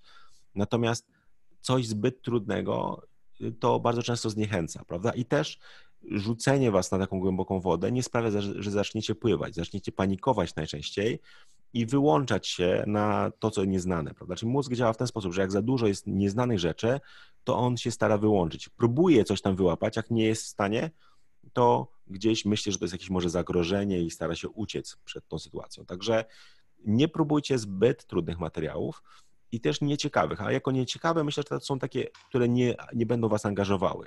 Czyli będzie to jakiś na przykład coś na temat, który was nie interesuje, albo coś, co nie do końca e, was zaciekawi, zaangażuje. Myślę, że tutaj też można czasami z takich korzystać, ale dodając jakieś elementy, prawda? Czyli tak, żeby więcej zmysłów było zaangażowanych, żeby mózg potraktował coś jako ciekawsze. Nawet takie ćwiczenia z gramatyki, jak będziecie robić na przykład, nie wiem, chodząc w jakieś dziwne miejsca, udając się i tak dalej. Czyli jeśli przełamiecie taką rutynę, to, to będzie lepsze, ale, ale myślę, że e, z tymi nieciekawymi materiałami trzeba e, poszukajcie czegoś, co, co wam się spodoba też wizualnie, co wam e, będzie odpowiadało po prostu. Ja często dużo czasu spędzam właśnie na, na wybraniu takiej książki czy materiałów, z którymi będę pracował, E, ale chodzi o to, żeby, żeby to, ta książka właśnie e, odpowiadała mi pod kątem oczywiście mojej metody, ale też wizualnej. Ja lubię na przykład jakieś e, obrazki, żeby były odpowiednio dobrane, żeby one nie były nudne, żeby no, czasami one są ładnie zrobione, ale mi się nie podobają, prawda? Więc staram tak. się korzystać z czegoś, co będzie dawało mi przyjemność korzystania. Ale najważniejsze o, jest, to jest tak, coś ale... podobnego do, hmm? do oglądania seriala. E, e, e, przepraszam, że przerywam, ale e, jak no, dzisiaj dużo ludzi ogląda seriale i bardzo często e, oglądasz takie seriale, które Ciebie interesują. Czasem nie wiemy o co chodzi, tak? E, czasami wybieramy losowo. Może tam na podstawie tytułu, na podstawie jakiegoś streszczenia, a zaczynasz oglądać, jak Ci się podoba, tak, tak, tak, tak jak się mówi po polsku, jak to wciąga Ciebie, to chcesz ciągle oglądać. Nawet niektórzy są w stanie, ja nie polecę tego robić, ja bardzo lubię spać, a niektórzy są w stanie przez 5 godzin, 6 godzin siedzieć i oglądać ten sam serial. Mam, mam takich uczniów, którzy bardzo lubią pewne animy, albo odkrywają nowe animy, nowe kreskówki japońskie i przychodzą na zajęcia nieprzytomnie, tak? Bo mówią, o, sensei, spałem tylko dwie godziny, albo godzinę tylko spałem, nie? bo tak, bo to było tak fajnie i właśnie taki dzieje z nauką. Jeżeli masz taki materiał, który tak wciąga ciebie, no to będziesz chciał się uczyć. Nie chodzi o to, że będziesz uczył się 5 godzin na raz, ale uczysz się kilka minut, tak, będziesz w pracy, będziesz gdzieś w szkole, ale będziesz trochę pomyślał, ach, nie mogę się spodziewać kolejne, kolejnego rozdziału. Nie mogę się spodziewać tego momentu, kiedy usiądę i w końcu spotkam się ze swoją kochaną książką. Nie wiem, nie? więc jeżeli ten materiał na tyle ciebie wkręca, tak, wciąga, to jest, to jest bardzo fajne, bo, bo, nie, bo nie, nie dobrze jak to jest nudne. Czujesz się znudzony i brakuje, brakuje ci chęci, ochoty do zabrania się do nauki tego języka poprzez ten materiał. I nie chodzi mi tylko o książki, może, może to być jakaś strona internetowa, jakaś aplikacja. Jeżeli to na, na tyle cię nie wciąga, że ciągle myślisz o tym, tak jak sobie by, byś pomyślał o dziewczynie, o chłopaku, o mężu, czy tam o żonie, to tak to zobaczenie się nie nadaje, tak? Bo język musi być tutaj w głowie, w sercu, musi cały czas zajmować takie poszczególne miejsce w twoim, w twoich myślach, tak? Takie bardzo wygodne, fajne miejsce w twoim sercu. Mhm, czyli tutaj e, ja myślę, że e, tutaj z, z, tymi serialami to też jest tak, że właśnie, że jak ten serial wciąga, tak samo jak nauka cię wciągnie, to możesz robić nawet dziwne rzeczy. Ja, ja tutaj dam przykład, e, nie wiem, część z Was e, pamięta taki starszy już serial Lost, prawda, który tam trwał ileś sezonów. Mm-hmm. I gdyby ktoś Wam opowiedział, tutaj nie będę oczywiście zdradzał fabuły, ale e, generalnie ten, ten serial zaczyna się w miarę normalnie, prawda? Rozbija się samolot, jakaś grupa ludzi się ratuje. Oczywiście dużo się dzieje, bo tam od razu milion, milion rzeczy. bardzo, bardzo ciekawie jest zrobiony właśnie w taki sposób, żeby angażować ludzi, że jest dużo tajemnic mm-hmm. i tak mhm. dalej ale później są takie, oni wymyślają rozmaite e, e, rzeczy, a ludzie mimo wszystko się wciągają i e, oglądają dalej, prawda? Mimo, tak. że gdyby się dowiedzieli, że ok, ten serial będzie o tym i o tym, to powiedzieli, a to mnie nie interesuje, prawda? Podobnie był ten serial, nie wiem, czy on być może cały czas jest, Moda na sukces, czyli Bold and Beautiful, prawda? Czyli słynny serial, który tam moja babcia oglądała i tak dalej, to i on tam trwał latami, tam ci bohaterowie, oni, nie wiem, E, umierali, później się okazywało, że jednak żyją, że po prostu jest, oni wymyślali, że tam nie wiem, chyba każdy był ze sobą w małżeństwie, później się rozwodził i tam to jest tak zakręcony serial, że jest nawet taki film wideo, który tam 10 minut podsumowuje, co się, co się działo, jakieś linie czasu i tak dalej, ale też ludzie się wkręcali, bo on był na początku normalny, prawda? Natomiast później ci scenarzyści zaczęli dodawać różne dziwne rzeczy, ale ponieważ już byliśmy wciągnięci w to, było nam łatwiej przejść przez te dziwne rzeczy. I tak samo z językiem, tak. prawda? Jak już jesteśmy tak. wciągnięci w język, to łatwiej jest nam te, te dziwne rzeczy też e, zrozumieć, prawda? Czy przez nie przejść, prawda? Czyli nawet jeśli czegoś nie lubicie, to jak już się wciągniecie, jest, jest łatwiej. Ale tak jak mówię, są dwa, dwa elementy, czyli materiały nieciekawe i za trudne, prawda? One, to czasami jest powiązane, czasami nie, natomiast zwracajcie na to, e, na to e, uwagę. I punkt numer 7 jest powiązany z punktem numer 6. Mówiliśmy zbyt trudne materiały, ale teraz co ludzie robią? Unikają trudnych materiałów. Ale uważajcie, nie zbyt trudnych, ale unikają trudnych. Czyli często mamy takie osoby, które cały czas uczą się tego samego. Prawda? Czyli cały czas są początkującymi, robią lekcję numer jeden 50 razy, bo wydaje mi się, że, że kolejne są zbyt trudne i tak dalej. A tak naprawdę uczymy się, kiedy jesteśmy na granicy. Czyli jesteśmy na granicy, że mamy materiały trudne, ale takie, z którymi sobie poradzimy. Prawda? Czyli to tak jakby e, cały czas, nie wiem, jak chcemy się nauczyć jazdy na rowerze, e, to cały czas e, tak jakby trzymać rower, usiąść na nim, ale nie jechać, prawda? Czyli to, to jest jakiś problem, który wydaje mi się, często ludzie właśnie popełniają, że boją się podnieść odrobinę tą poprzeczkę trudności. Prawda? Czyli cały czas na tym niskim poziomie, że cieszą się o, obejrzę sobie jakieś takie proste właśnie, ale jak ktoś jest na jakimś dużo wyższym poziomie, a tą świnkę Pepę ogląda cały czas, to też nie jest dobre rozwiązanie, prawda? Czyli musicie troszkę sobie podnieść poprzeczkę, ale nie za wysoko, prawda? Czyli to jest jeden z tych błędów, które ludzie popełniają, że cały czas mielą się w tym samym sosie, tak jak to mówimy e, często, czyli powtarzają cały czas to samo, e, boją się spróbować czegoś nowego, zaczynają od zera i E, I tutaj też mamy na przykład na, na, naszych kursach, prawda? Czyli na kursy dla początkujących często zapisują się ludzie właśnie, którzy mają już poziom, który teoretycznie uprawniałby ich do, do wyższego e, e, poziomu zaawansowania, ale oni chcą jednak zacząć od zera, prawda? I, i tutaj no, niektórzy odnoszą sukcesy, inni po jakimś czasie piszą, no nie, no, chyba jest jednak trochę, trochę za łatwo, chyba jednak powinienem iść na wyższy poziom, prawda? Inni cieszą się, ale mówią na koniec kursu, a czy mogę ten kurs powtórzyć? Ja mówię, nie, nie, nie. Teraz trzeba iść wyżej, trzeba podnieść poprzeczkę, no bo e, musicie uwierzyć w siebie, prawda? I często jest tak, że ludzie właśnie świetnie mówią już w tym języku, ale brakuje im tej pewności siebie, czyli z tego to wynika właśnie ten, taka ich chęć powrotu do tego początku, prawda? Tam, gdzie czują się dobrze, prawda? Boją się zaryzykować, pójść troszeczkę dalej.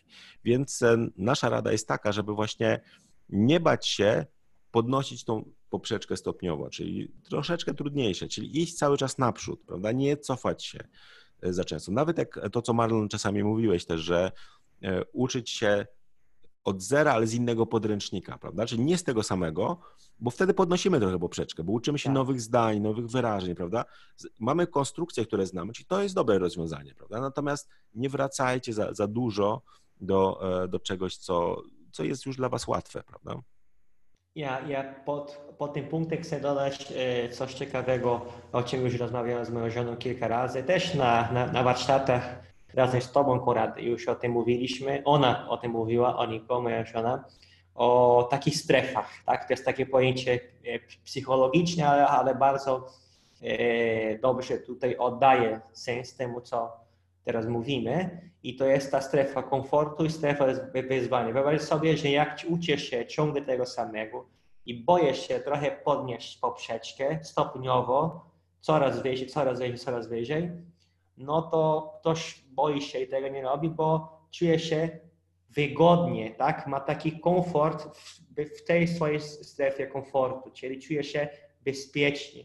Wiesz, gdzie to się kończy, wiesz, gdzie to się zaczyna i nawet jest taka historyjka e, z Brazylii, tak bardzo ciekawa, że ktoś miał kurę i robił taki eksperyment, no dosyć nie, nie okrutny, ale robił taki eksperyment, że zawiązał tą kurę jakimś sznurem do, e, może do kurnika, powiedzmy, do kurnika, nie? Taki długi sznur, ale ta kura mogła się poruszyć, ale do pewnego momentu, nie?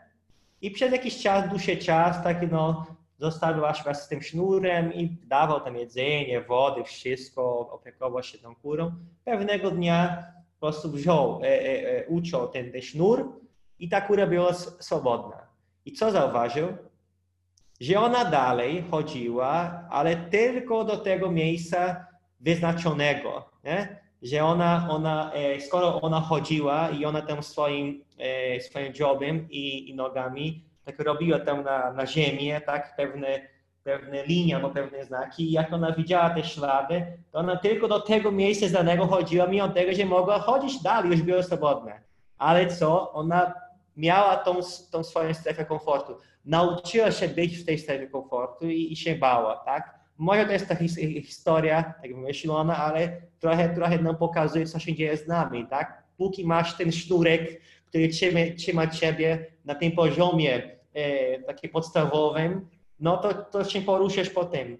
Potem jak rzeczywiście opanowałeś ten poziom podstawowy, może nawet nie jesteś tego świadomy, czasem się boisz iść dalej. Nie? Podnieść wiezie poprzeczkę i wracasz do, do, do tego samego materiału. Wybierasz nowego, nowego podręcznika, ale robisz tylko te lekcje podstawowe i cały czas ktoś się porusza po tym e, znanym, znanym terenie. Co jest nieźle, ale jak ktoś chce rzeczywiście lepiej znać ten język, bardzo warto spróbować trochę dalej iść, tak? Dalej po prostu e, zapoznawać się z tym językiem. I się borykać z takimi nowymi, no, nowymi, trudnymi rzeczami, ale dasz radę to przezwyciężyć, bo już masz za sobą dobry jakby kawałek, odcinek właśnie e, tej, tej drogi, tak? Do, do prawdziwego e, osiągnięcia celu właśnie no, mówienia w tym języku albo poznawanie właśnie pewnego języka na wysokim poziomie.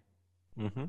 Tak, i, i, myślę, że tutaj właśnie często jest tak, że to my sami sobie takie ograniczenia narzucamy, ale myślę, że najprostszy sposób to jest właśnie pójść ten kroczek w górę, czyli nie rzucać się od razu na głęboką wodę, bo tutaj mamy ten siódmy punkt, o którym wspominaliśmy, że żeby unikać raczej zbyt trudnych materiałów, ale szukać czegoś, co jest tylko odrobinkę trudniejsze, prawda? Czyli jak pracujecie na przykład z jakimś podręcznikiem, no przejść do kolejnej lekcji i tak dalej, czyli nie próbować jeszcze przeskakiwać daleko, ale jednocześnie nie powtarzać tego e, cały czas, no, no bo nie ma, nie ma to sensu. Też nie liczcie też, bo to też jest jeden z takich problemów, że ludzie chcą wracać do czegoś, bo nie potrafią jeszcze tego w 100%. To nie o to chodzi.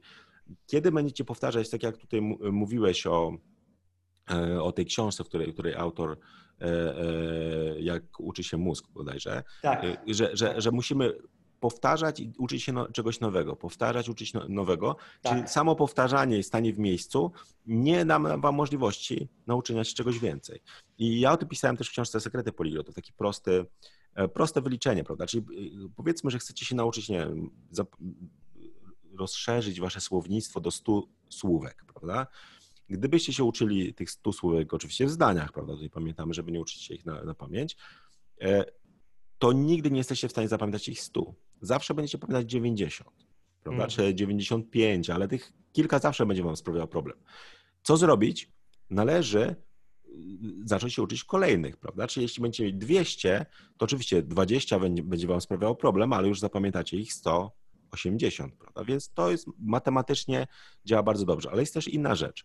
Czasem coś sprawia wam problem, bo potrzebujecie jakiegoś nowego kontekstu, który pozwoli wam to lepiej zrozumieć czy zapamiętać. Czyli e, kiedy będziecie na przykład mieli jakieś jedno słowo, którego nie jesteście w stanie zapamiętać, gdy ono się pojawi w nowych zdaniach, to nagle zaczniecie pewne rzeczy łapać. Więc tutaj warto, warto e, iść cały czas małymi kroczkami do przodu. Ale pamiętając o punkcie numer 8, co jeszcze ludzie robią źle? Biorą tak jakby za dużo materiałów jednocześnie. Czyli w ogóle e, mnóstwo jest ludzi, którzy chcą się uczyć języka, więc wykupują 50 milionów książek, kursów i tak dalej i nic nie robią, bo nie wiedzą za co się zabrać. Więc e, prosta rada, wybierzcie jeden podręcznik, jeden kurs i na początek to wam wystarczy, prawda? Czyli nie starajcie się, bo to też jest takie złudne poczucie bezpieczeństwa, prawda? Okej, okay, muszę się nauczyć angielskiego, to kupię 20 książek do angielskiego, i będzie ok. No, no nie do końca. Wystarczy, że kupicie jedną i zaczniecie nią regularnie pracować i wtedy efekty przyjdą. A jak kupicie tych książek, nie wiem, 50 i będą stały na półce, tylko i wyłącznie, no to nie ma to sensu, prawda? Nie nauczycie się w ten sposób tego e, języka, więc tutaj zwracajcie na to uwagę. Oczywiście możecie kupować książki, e, jak widzicie za mną, ja też należę do tych, którzy to robią. Natomiast hmm. pamiętajcie, żeby zawsze pracować z tymi książkami, prawda? Oczywiście, jeśli jedna Wam się nie spodoba, ja często kupuję, bo na przykład widzę, ok, jest jakaś okazja, prawda, są książki do, nie wiem, duńskiego e, w przecenie, więc je kupiłem, chociaż na razie z nimi nie będę pracował, ale może za jakiś czas. Natomiast chcę unikać takiej sytuacji, bo to też miałem na początku, że kupowałem dużo, a później nie wiedziałem, za co się zabrać, prawda? Czyli wybierzcie sobie jeden podręcznik, możecie później go zmienić, jeśli Wam się znudzi i tak dalej, natomiast nie bierzcie za dużo naraz, prawda? Czyli nie potrzebujecie naprawdę mnóstwa podręczników. Typu Ktoś może kupić podręcznik, książkę do gramatyki, jakieś ćwiczenia. To nie jest potrzebne. Książka do gramatyki, czy na przykład jakiś słownik dobry, one będą Wam się przydawały bardziej na dalszych etapach, prawda? Nie na samym początku. Na samym początku wystarczy Wam podręcznik, wystarczy Wam to, co jest w internecie, więc nie przeciążajcie siebie zbyt dużą liczbą materiałów, bo, bo to nie pomoże Wam tak naprawdę, a tylko utrudni. Bo tak jak mówiłem, że mózg lubi proste rozwiązania powiedzieć mu, masz jedną rzecz do zrobienia i wtedy on to robi. Natomiast jak ma za dużo wyboru, wówczas jest to, e, jest to, jest to kłopot. Także nie bierzcie na siebie za dużo e, rzeczy, wybierzcie sobie jedną książkę, jeden podręcznik, z którym będziecie pracować. Może być jeden kurs, jakiś pomocniczy, coś, natomiast nie więcej niż dwie rzeczy jednocześnie, bo, bo wtedy będzie to E, zbyt skomplikowane. Ja często mówię tak, że ja biorę jeden kurs plus na przykład jedną aplikację, która mi pomaga, czy w nauce, czy w powtórkach, czy w przypominaniu sobie i tak dalej. Natomiast nie więcej, bo jak jest więcej, to wtedy się robi duży e, chaos. Także, także no, widzę, że Marlon tutaj też masz w tle e, jakieś książki, czy, czy co, co, co to tam jest, więc to jest wzór, że patrzcie na Marlona, nie na mnie, prawda, z tymi książkami w tle, tylko to, co ma Marlon, czyli trzy książki. Jedna o dinozaurach, jakiś e, quiz dziwny, także... Tak, aha, i tylko tyle, nie? Ale słuchaj, wiem, że dla, dla części z Was, e, którzy nas słuchają i oglądają, może być to, to bardzo ciężka rada, bo tak, żyjemy w takim technologicznym świecie, tak? Masz dostęp do multum, do masy informacji, aplikacji, stron, stron internetowych, książek nawet, nie? masa promocji też jest, tak, przeceny, w kolejnym terminie przeceny, czasem cały czas są przeceny w różnych krajach nawet też nie kupić dzisiaj przez internet też z innych krajów e, w takich, śmiesznych, śmiesznych cenach czasami fajne materiały. I to jest kuszące, tak, aby, aby kupić tego, dużo tego, z taką myślą, no, potem ja do tego się zabierze. No to może kiedyś mi się przyda. Ale szczególnie jeżeli zaczynasz naukę tego języka, lepiej właśnie e, świadomie się ograniczyć. Ja wiem, że to jest trochę takie dziwne pojęcie, takie, tak, kto lubi ograniczenia, prawda? Kto lubi czegoś takiego, ale tu trzeba mądrze, świadomie to robić, bo naprawdę jak znasz jakąś fajną stronę internetową, albo znalazłeś aplikację, która Ci się podoba, nie warto poszukać drugiego, trzeciego, czwartego, piątego, bo tak potem na tym się kończy, że nawet nie wiesz, do, do czego się zabrać, może się trochę pogubić, więc jeżeli poszukałeś, znalazłeś coś, co ci się podoba, trzymaj się tego, nauczy się z tego, jak, wycier jak wycierpią się możliwości, albo jak ci się znudzi, no to pora przejść na drugą, na, na trzecią rzecz i tak dalej. E, jest takie przysłowie króciutkie.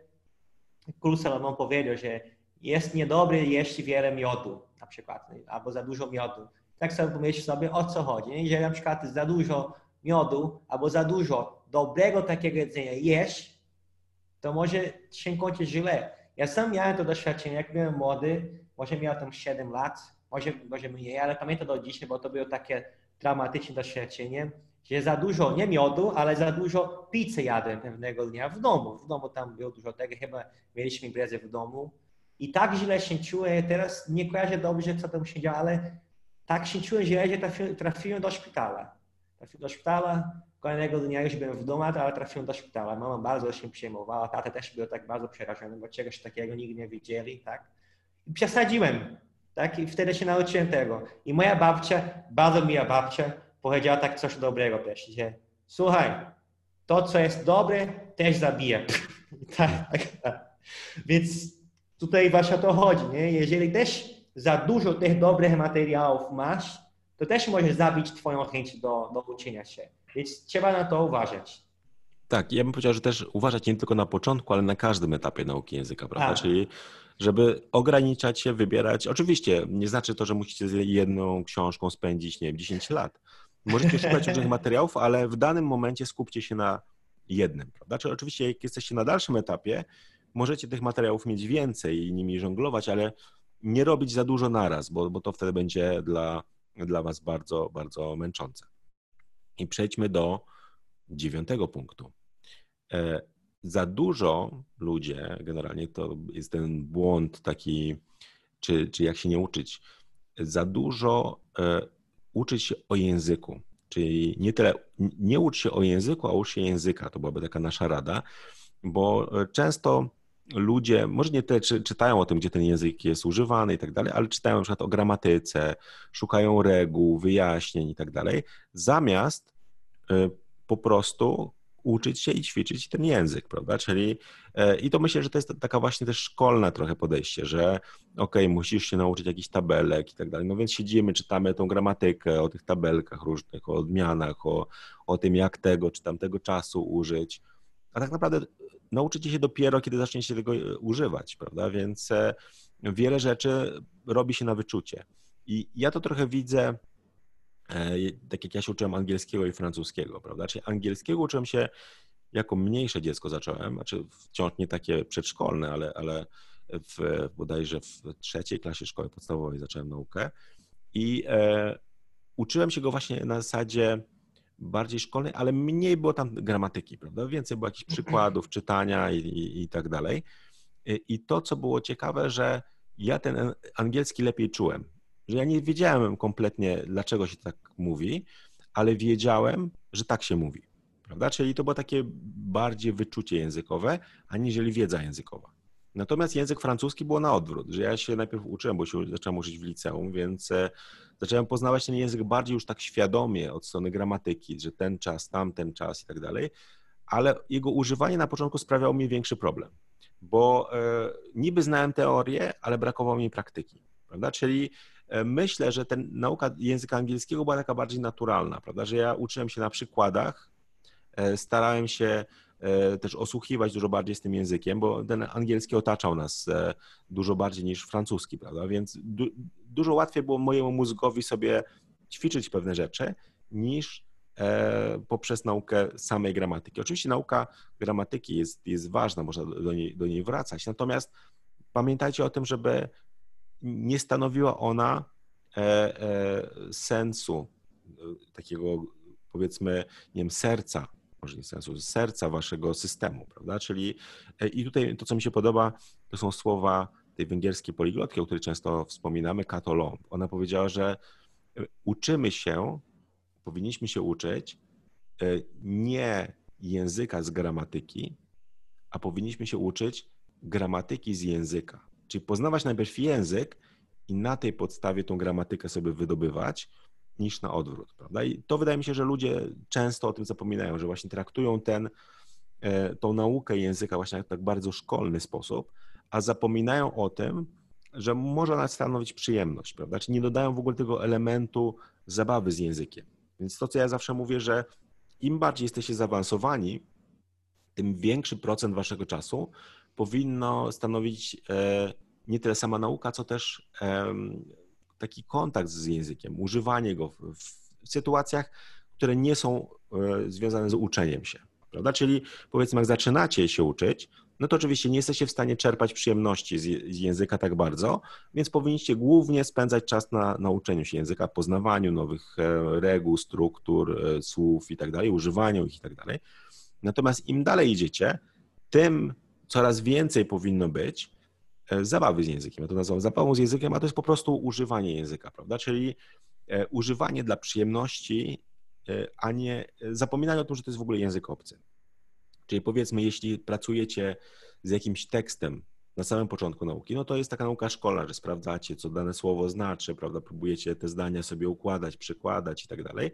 Natomiast jak czytacie artykuł jakiś, jesteście na poziomie zaawansowanym, to nie czytacie go po to, żeby się uczyć języka, czytacie go po to, żeby się czegoś dowiedzieć, prawda? Czyli jak ja teraz czytam sobie, czy nie wiem, oglądam jakieś materiały po angielsku, to owszem, jakieś słowo mogę, mogę zapamiętać, natomiast to nie jest mój cel, ja w ogóle nie sprawdzam nic, ja po prostu oglądam po to, żeby oglądać, prawda? Żeby się czegoś dowiedzieć, żeby o czymś nowym e, posłuchać i tak dalej. Także, także nie zapominajcie o tym elemencie, prawda? Czyli nie skupiacie się na takiej szkolnej nauce, na tej poznawaniu teorii, ale pomyślcie też właśnie o tym praktycznym zastosowaniu języka, zwłaszcza, żeby czerpać przyjemność z tego, że ten język e, poznaliście już e, w jakimś, w jakimś stopniu. Ty, Marlon, kiwasz głową chyba e, albo tutaj z politowaniem, albo że mówi jakieś dziwne rzeczy, albo może się zgadzasz. Ja nie, wiem, nie wiem do końca. Nie, nie ja, ja tylko, tylko kiwam, kiwam głowę, bo nie mam praktycznie niczego do dodawania, bo zgadza się jak najbardziej. Po prostu wziąłeś, wziąłeś mi słowa e, z ust, więc nie, nie zostało mi nic do, No właśnie, i teraz powiedzi. mówiliśmy wam 10 punktów, 9 powiedzieliśmy, teraz wielkie oczekiwanie, co to jest ten punkt 10 i on jest najważniejszy. Ja bym powiedział, że jeśli te wszystkie 9 pominiecie, a o 10 zapomnicie, to jest e, no to będziecie mieć duże problemy. I co to jest ten dziesiąty co takiego może być? Jest teraz w szoku. Co masz na myśli? Właśnie, a tutaj jeszcze zmieniłem nasze notatki Marlenowi przed oczami. Tak, ja nie wiem, co, co masz na myśli. Właśnie i pytanie jest do was, do naszych słuchaczy. Zastanówcie się, czy jest coś, co robicie, co nie przynosi efektów. A, Pra- Prawda? Czyli być może wykonujecie jakąś czynność, ale nie do końca widzicie, że ona ma sens w waszym przypadku. I napiszcie nam w komentarzach oczywiście, co to takiego e, jest. Czy może, może to być jeden z tych elementów, o których mówiliśmy, a może coś innego, może jakiś specyficzny rodzaj e, ćwiczeń, może e, jakiś, nie, wiem, jakaś technika, którą stosujecie, może jakaś, nie wiem, aplikacja, z której korzystacie, może jakiś kurs, cokolwiek, coś, czym pracujecie, czy może coś, co wykonujecie ucząc się języka, a co waszym zdaniem nie przynosi efektów. Także zastanówcie się, e, tutaj zostawimy was właśnie z tym pytaniem, ale oczywiście czekając na wasze odpowiedzi, co takiego może być. Przeanalizujcie sobie krok po kroku to, jak się uczycie. To, jak się uczyliście na przykład w zeszłym tygodniu, czy w zeszłym miesiącu i tak dalej języka, co dokładnie robiliście i pomyślcie sobie, czy to, co robiliście, ma jakiś sens, prawda? Czyli czy rzeczywiście Wam pomogło? Nie wiem, jeśli na przykład mieliście jakiś sposób na zapamiętywanie słownictwa, czy dzisiaj, na przykład po wielu dniach, te słowa pamiętacie? Czy potraficie ich użyć? Czy czujecie, że to Was pcha przed siebie? Także zastanówcie się i dajcie znać, a wtedy Wam powiemy, czy E, może, bo może być tak, że to jest tylko wasze złudzenie, a może to być rzeczywiście tak, że, że to jest coś, z czego powinniście zrezygnować. Także zróbmy dzisiaj ten podcast taki bardziej indywidualny, że nie tylko my e, wam opowiadamy, ale też napiszcie nam w komentarzach koniecznie, czy są jakieś rzeczy, które podejrzewacie, że nie mają do końca sensu. I ten dziesiąty punkt myślę, że on jest najbardziej rozwinięty, bo się okaże, że tych e, różnych rzeczy może być bardzo dużo, ale będziemy starali się wam podpowiedzieć, czy przestać to robić, czy nie. Zasada jest taka zazwyczaj, że jeśli robisz coś, co Twoim zdaniem nie ma sensu, nie daje żadnych efektów, to przestań to robić. Ale czasami może być tak, że możesz mieć takie wrażenie, że nie idziesz do przodu, a to, co robisz, mimo wszystko ma sens. Powiedz mi, nie wiem, słu- słuchanie języka, prawda? Osłuchiwanie się z językiem to jest proces, który zajmuje wiele miesięcy, jeśli nie lat, prawda? Więc oczywiście, jeśli mówi, po, powiecie, OK, słuchałem jakiegoś nagrania i nic nie rozumiem, no to e, może to być bez sensu jednorazowo, ale na dłuższą metę może to być ważne, prawda? Więc tutaj dlatego e, prosimy Was, żebyście napisali w komentarzach o tym, co Waszym zdaniem, w Waszym sposobie uczenia się nie do końca działa, czyli jak się nie uczyć. I myślę, że inne osoby też skorzystają z tego, bo być może one uczą się tak jak Wy i uczą się nie do końca dobrze. Oczywiście wkuwanie Mhm. słówek to jedno, ale tych sposobów, metod jest mnóstwo, więc dajcie znać, napiszcie nam koniecznie e, i będziemy, będziemy w komentarzach e, e, tutaj, czy ja, czy Marlon. Tak, czekamy, odpisywali. czekamy właśnie z wielką niecierpliwością na Wasze komentarze, na dzielenie się z nami Waszą historią. Ale jeżeli chodzi o postępy, jeżeli chodzi o to, e, co robisz i niby nie przynosi postępów, czasami to przynosi postępy, tego nie widzisz. I dlatego planujemy też taki odcinek w tym podcaście o tym, jak sprawdzać swoje postępy, bo to jest bardzo ważne. Bardzo ważne, abyśmy zawsze byli w stanie zobaczyć, tak, zauważyć, e, czy robimy postępy, tak, to, czego się nauczyliśmy już, bo musimy zawsze mie- mieć, mieć to przed sobą, przed to oczy- oczyma, nie? to, co już opanowaliśmy. I czasami tak się zdarza, że coś robisz, masz wrażenie, że tak nie działa, a jednak to działa, inni to zauważają, szczególnie jeżeli masz zajęcie z nauczycielem, albo jeżeli koledzy, znajomi e, śledzą e, Twoją naukę i widzą Twoje postępy, czasami sami tego nie zauważamy i to jest bardzo ważne, abyśmy byli w stanie to e, zauważyć.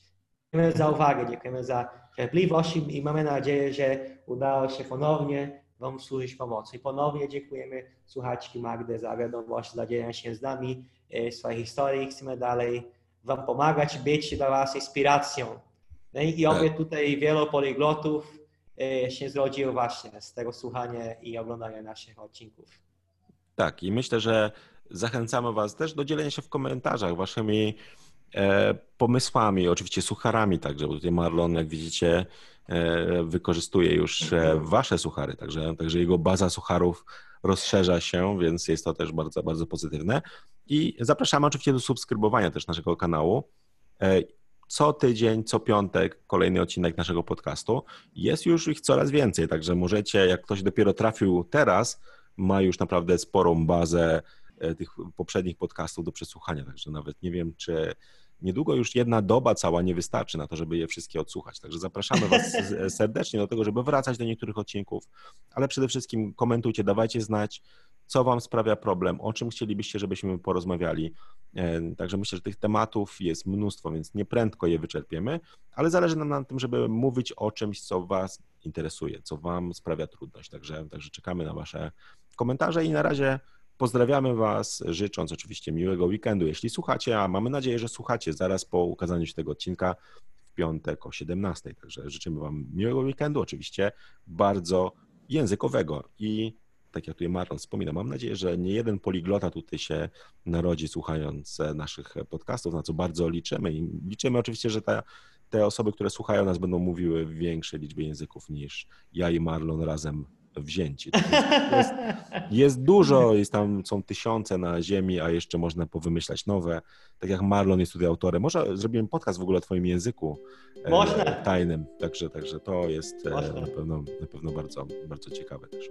Także życzymy wam miłego weekendu i dziękujemy za e, uwagę i e, za wysłuchanie i obejrzenie tego dzisiejszego odcinka. I pamiętajcie, żeby tych rzeczy, o których mówiliśmy, nie robić. Także zachęcamy do tego, żeby robić to, co my radzimy, a nie do końca w, przede wszystkim wkuwać słówka. Także pozdrawiam Was serdecznie i do usłyszenia, do zobaczenia już za tydzień.